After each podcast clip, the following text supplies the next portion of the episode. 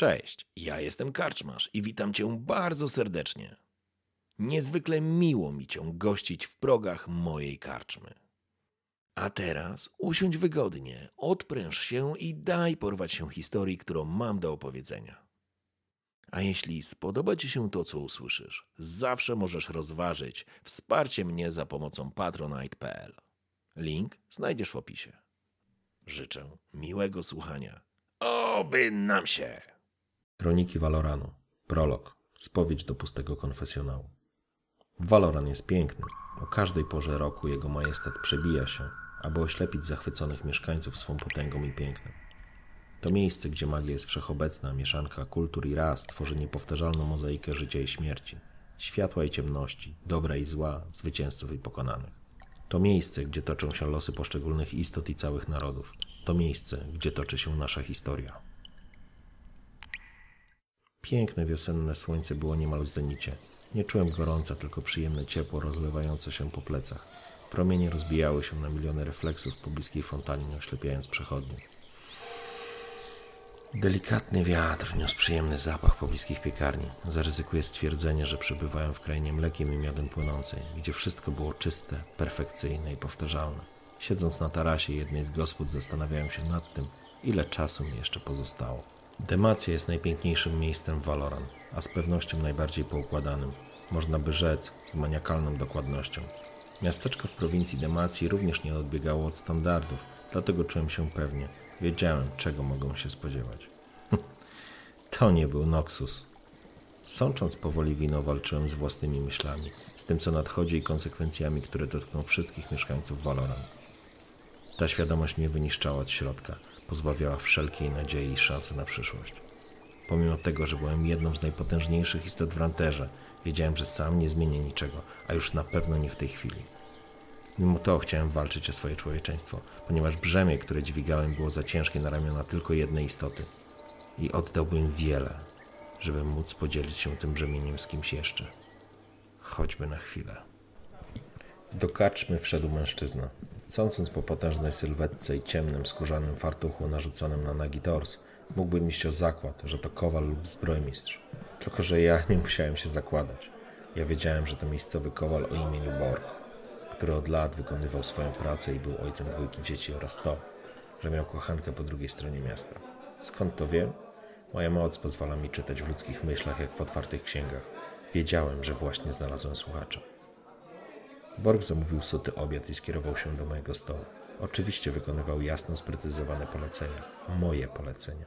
Usiadł i bez słowa patrzył na mnie szeroko otwartymi oczami. Witaj, Borg.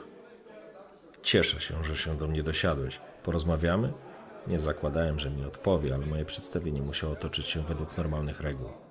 Jak ci się żyje w Demacji? Jesteś zadowolony? Zapytałem, umożliwiając Borgowi mówienie, ale jednocześnie stymulując jego mózg, żeby nie odbierał niezwykłości tego spotkania. Demacja jest najpiękniejszym miejscem, odparł bez namysłu. Dobrze mi się wiedzie i jak liga pozwoli, to niebawem zmieciemy z powierzchni ziemi te wynaturzenia z Noxus. Ciekawe. Jak liga pozwoli? Ha, brak świadomości jest błogosławieństwem. Prawdą jest, że na scenie politycznej liczy się Demacja i Noxus, a pozostałe państwa miasta są swego rodzaju uzupełnieniem tego odwiecznego konfliktu. Tylko, że tak już nie jest od wielu lat. Teraz liczy się tylko Liga i jej wszechpotężna władza, którą ci głupcy sami ratyfikowali. Nienawidzicie Noxus, prawda? Zapytałem z lekką ironią. Te pomioty piekieł powinny zdychać w salach tortur. Te wynaturzone diabły! Przerwałem ten wywód z przymrożeniem oczu. Borg był cały czerwony, a ślina wykwitła mu na brodzie. Wszakże nienawiść Demacjan do Noxus była legendarna. Tak, w salach tortur wynaturzone diabły? Z pewnością Noxus to siedziba szaleńców i megalomanów, ale czy Demacja jest lepsza? Państwo, gdzie wolne myślenie to grzech przeciw prostocie i przejrzystości, a kwestionowanie ładu i porządku uznawane jest za herezję. W salach tortur? Tak, myślę, że nawet kaci z Noxus byliby pod wrażeniem umiejętności towarzyszy z Demacji i wyposażenia tych sal.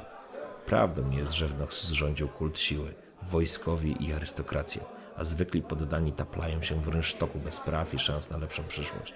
Ale w Noxus nie działa inkwizycja, wyłapująca tych, którzy nie pasują do wizji idealnego świata.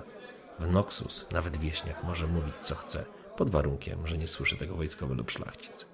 W demacji brat takiego wieśniaka sam doniósłby o akcie herezji swojego ziomka, wprost do inkwizycyjnych biur.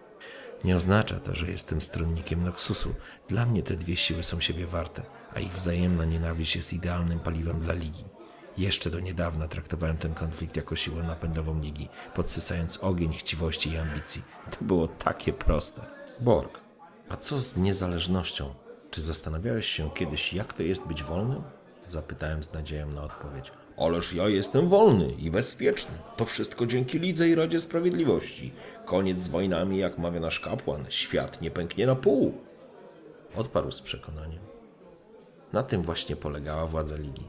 Rada dostawała władzę polityczną na tacy. Przedstawiciele państw miast upoważnili Radę do rządzenia i całkowitego zwierzchnictwa politycznego. W ten sposób uzyskaliśmy władzę nad elitą. I to za co? Za obietnicę pokoju oraz historię o końcu świata, wyniszczonego konwencjonalnymi wojnami. Ale to nie wystarczyło. Potrzebowaliśmy władzy nad wszystkimi istotami, nie tylko nad szlachtą. Dlatego powstały transmitery.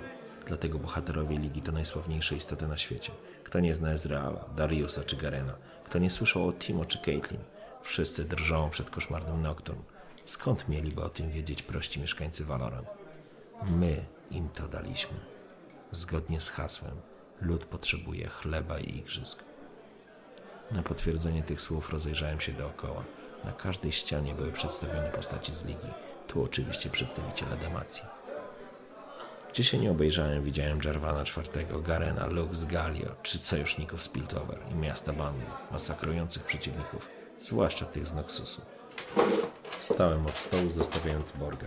Zacisnąłem pięści. Przecież to wszystko nie miało sensu. Jak miałem z tym walczyć? To już pięć lat. Bohaterowie, ulubieńcy tłumów, współcześni gladiatorzy, którzy faktycznie potrafili stawić czoła liczniejszemu przeciwnikowi. Ale to zaledwie namiastka mocy, którą posiadają najpotężniejsi magowie z poszczególnych państw. Ci, którzy zwani są przywołaczami, ci, którzy decydują o życiu i śmierci mieszkańców Valora. Oni nawet nie mają imion. Pusty śmiech mnie ogarnia, gdy porównam ich wszystkich i całą ich moc do mocy Trójcy, do mocy Najwyższej Rady Sprawiedliwości. Jak można mierzyć się z kimś, kto przenika wymiary i szuka kolejnych bohaterów do swoich prywatnych igrzysk?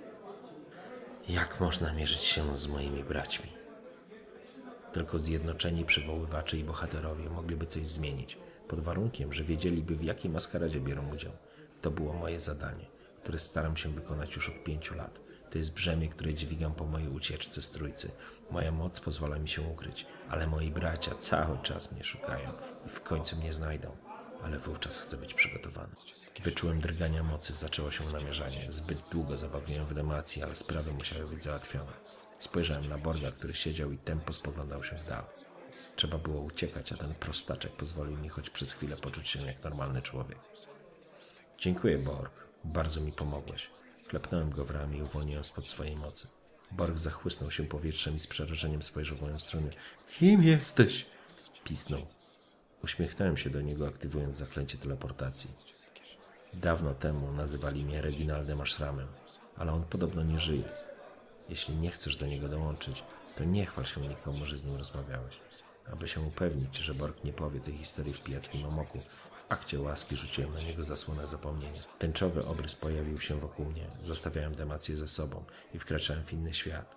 Borg osłupiały spoglądał się na całe widowisko, zupełnie niczego nie pojmując. Stanąłem na grani, naturalny mrok roztaczał się przede mną. Czułem się lepiej, ponownie poczułem się człowiekiem i byłem zadowolony, że podzieliłem się z kimś moim brzemieniem. Choć ten ktoś nawet o tym nie pamiętał, odbyłem kolejną spowiedź. Niestety, była to spowiedź do pustego konfesjonału. Głęboko odetchnąłem ciężkim powietrzem i ruszyłem przed siebie w mrok wysp cieni.